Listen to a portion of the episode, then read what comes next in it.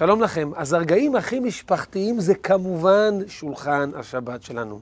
יושבים סביב שולחן עם אוכל טעים, אווירה מיוחדת שאין אותה כל השבוע, עם אורחים לפעמים, והרגעים האלה, אותו שולחן שבת, זה העוצמה המשפחתית שלנו, זה מה שמביא את הכוח לכל המשפחה להמשך השבוע וגם להמשך החיים. אבל בתקופה הזו של המלחמה, השולחן יכול להפוך לקבינט המדיני-ביטחוני, לקבינט המורחב, לקבינט המצומצם. כל העיסוק יהיה סביב הידיעות האחרונות והסרטונים שראינו על, על התקיפות האחרונות, ומה מה, על העסקאות שהולכות להיות או שלא הולכות להיות, והכל הכל יכול להיות סביב זה. וזה מאוד מאוד טבעי, כי זה מאוד מעניין, זה מאוד מרתק. זה מה שמעסיק את כולנו. לא 100% שעות ביממה, אלא 150% שעות ביממה. הראש שלנו סביב זה מאוד מאוד מאוד, אבל אפשר גם לעשות משהו אחר. אפשר גם ששולחן השבת בתקופה הזו יהפוך לרגעים מעצימים, רגעים של כוח, של תעצומות נפש, רגעים שבהם יקבלו כאלה, כאלה מסרים משמעותיים ש, ש, שימשיכו איתם בעזרת השם גם בתקופה הזו, גם להמשך השבוע, וגם בעזרת השם לכל החיים. כל דבר אפשר לראות אותו בשני כיוונים. והרי בעזרת השם, בסוף זה ייגמר. בי רצון שיגמר טוב ויגמר כמו שצריך, ובלי אף חייל שייפגע, אף חיילת שתיפגע, אף יהודי ויהודייה שייפגעו בעזרת השם, שיהיה רק ניסים והצלחה לעם ישראל, אבל בסוף זה ייגמר. ומה החוויות שיישארו איתם אחר כך. אני, חוש... אני עכשיו, תוך כדי שאני מוסר את השיעור, אני נזכר במלחמת המפרץ, שהייתי גם אז ילד.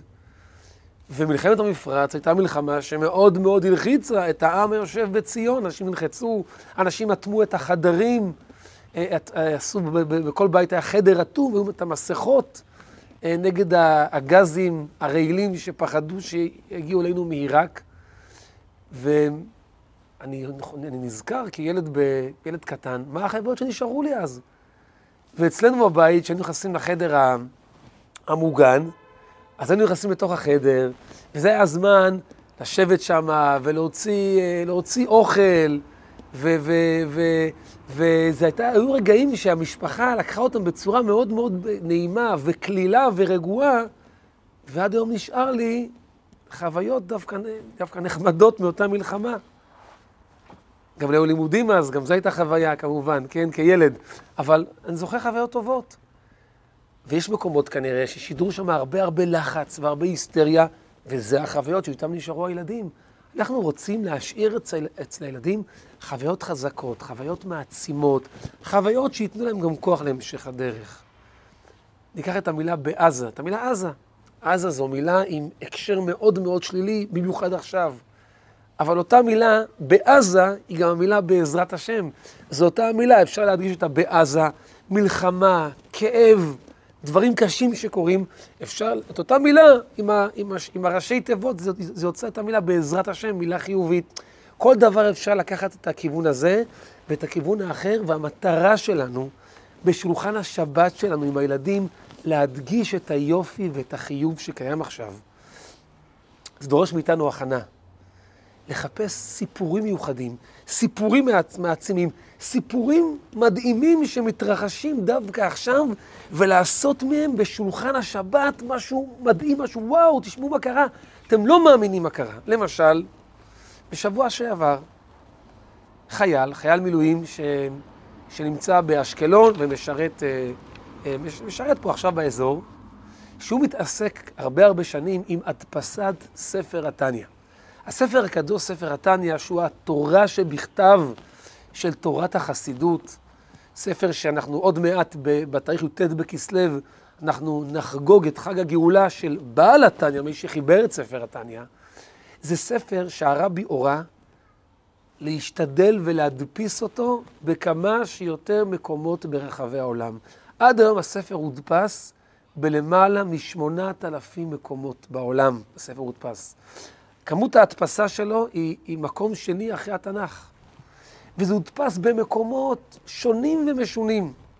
והרבי גם הורה שבעיתות מלחמה, כשמגיעים לשטחים מסוימים, גם שם להדפיס את ספר התניא ולחלק את זה לחיילים שנמצאים שם. התניא הודפס בצור ובצידון שבלבנון. התניא הודפס באזור ביירות.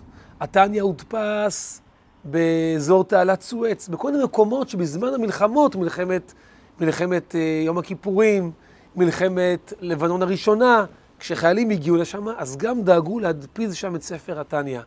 והרבי אמר שכאשר מדפיסים את ספר התניא, שזה הספר, עוד פעם, תורה שבכתב של החסידות, הספר הכי מרכזי בתורת החסידות, זה מושך את הגאולה לעולם, זה מזכך ומתאר את אותו מקום שבו מדפיסים את הספר.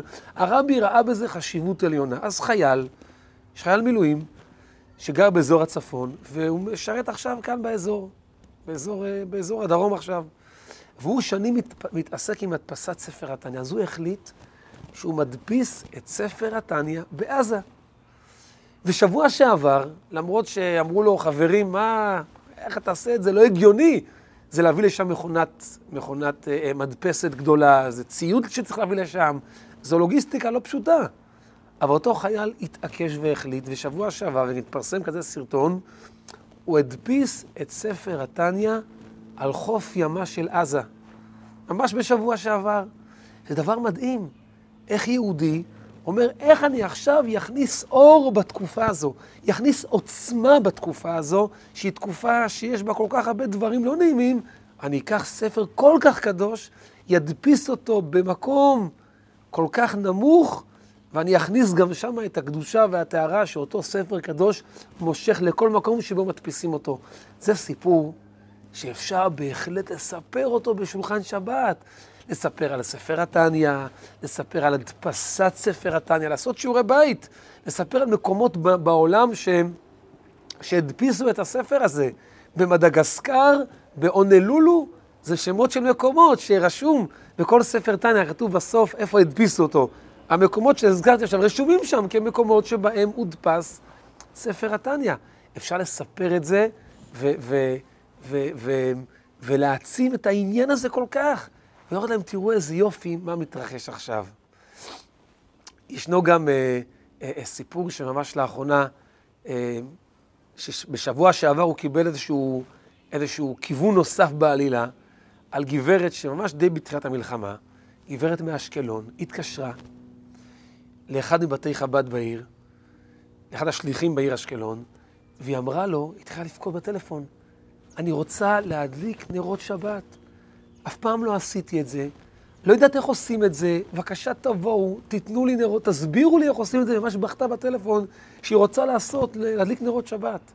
וההקלטה הזו התפרסמה, וריגשה המון אנשים ברחבי הארץ. הרבה אנשים, זה גם בטוח גרם להרבה להדליק נרות שבת. בשבוע שעבר פגשתי איזה יהודי, יהודי אה, מתנדב, אה, איש רפואה, איש הצלה מארצות הברית, שהגיע להתנדב בארץ. והוא אומר לי, הוא אומר לי, אתה אומר לי, בבקשה, תעביר מסר לאותה גברת מאשקלון, כמה היא השפיעה על נשים בארצות הברית. אז אמרתי לו, במקום שאני אעביר לה את המסר, שאשתך תאמר לה את זה, זה יעשה לה הרגשה הרבה יותר טובה. אז הוא אמר, אוקיי, אז אשתו שלחה הקלטה באנגלית לאותה גברת, היא אומרת לה, את לא מבינה מה עשית. את פשוט לא מבינה מה עשית. אין לך מושג על כמה נשים ברחבי העולם את השפעת, השפעה חיובית להדליק נרות שבת. ואז הוא שלח לי את ההקלטה של אשתו, שהיא אומרת לאותה גברת באשקלון, כמה עוצמה היא עשתה עם, ה, עם, ה, עם הבכי שלה שהיא רוצה להדליק נרות שבת. אז דאגתי דרך אה, אה, מי שמכיר את אותה גברת, להעביר לה את אותה הקלטה, והיא שלחה בחזרה הקלטות לאותה גברת בניו יורק, והיא אומרת, אני, אני כולי צמרמורות, מה, ככה, לא, לא, לא התכוונתי. עשיתי משהו כל כך קטן, לא חשבתי שזה יגיע לכאלה מקומות.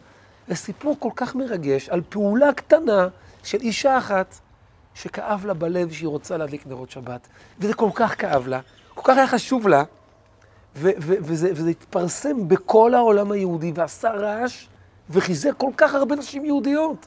זה סיפור שאפשר לספר אותו בשולחן השבת, ולעשות מזה וואו גדול. על, על, אפשר לקחת מזה את הכוח הגדול שיש למעשה חיובי אחד קטן שיכול להשפיע על כל רחבי העולם. זה בדיוק המקרה.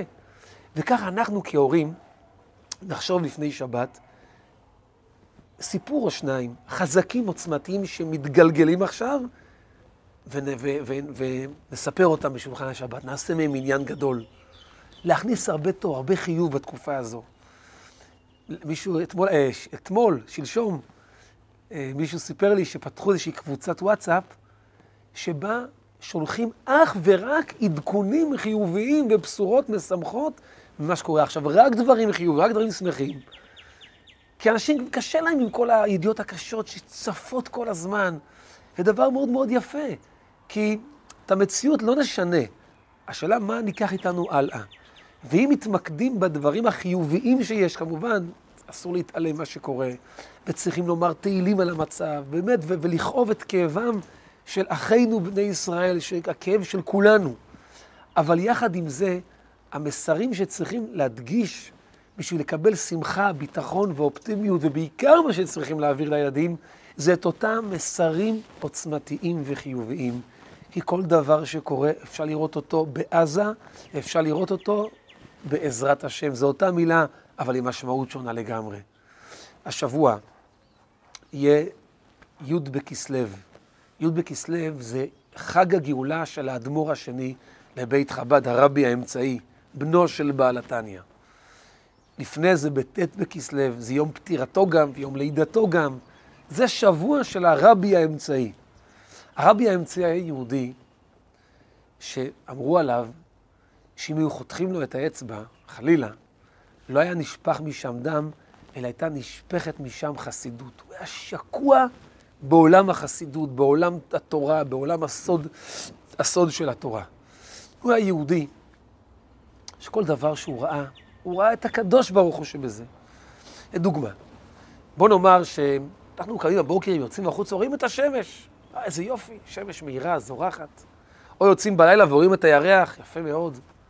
אז כשאדם רואה שמש וירח, מה אדם רואה? רואה שמש, רואה ירח, בסדר, שמש וירח, אין משהו מיוחד. אנחנו מכירים את זה כבר. מי שלומד קצת חסידות, פתאום מגלה שהשמש והירח זה לא סתם. למשל, הרי ישנם בעולם שני צורות איך הקדוש ברוך הוא מנהיג את העולם. ישנה הנהגה ניסית וישנה הנהגה טבעית. הנהגה טבעית, יש טבע, יש טבע שמתקיים כל הזמן, הכל נראה רגיל, אותו דבר, יום אחרי יום. לפעמים קורים ניסים. עם ישראל, אנחנו עם שמורגל בניסים, כן? חנוכה, פורים, ניסים כל הזמן, מלחמת המפרץ, בעזרת השם, מלחמת חרבות ברזל, שנראה ניסים גדולים. מה ההבדל בין השמש לירח? השמש היא כל בוקר זורחת ובערב שוקעת, יום אחרי יום, כל הזמן, אין בה שינויים. הירח, לעומת זאת, היא כל סוף חודש נעלמת. כל תחילת חודש חוזרת. בירח רואים חידושים, בשמש לא רואים חידושים.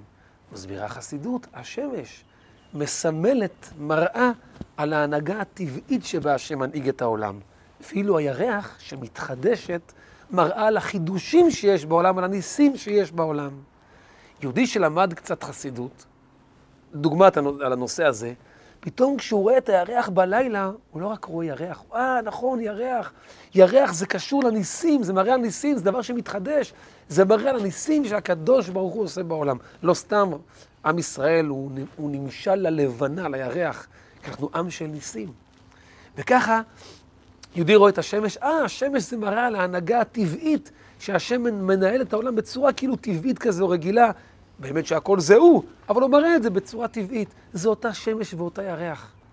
אבל אני יכול סתם לראות שמש וירח, ואני יכול גם לראות בשמש ובירח דברים עוצמתיים, דברים מעבר, מסרים הרבה יותר גדולים, הרבה יותר חזקים, הרבה יותר מעצימים, הרבה יותר יהודיים.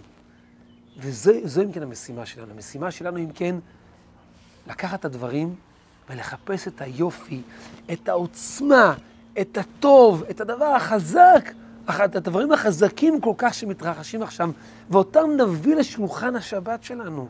נעשה שיעורי בית, מראש נחפש. נחפש דברים. אם אין לנו, למרות שהרשתות והחדשות מוצפות בדברים מדהימים שקורים, לא מצאנו בקלות, נחפש, נעשה חיפוש, נמצא דברים. ואת זה נביא לשולחן השבת שלנו.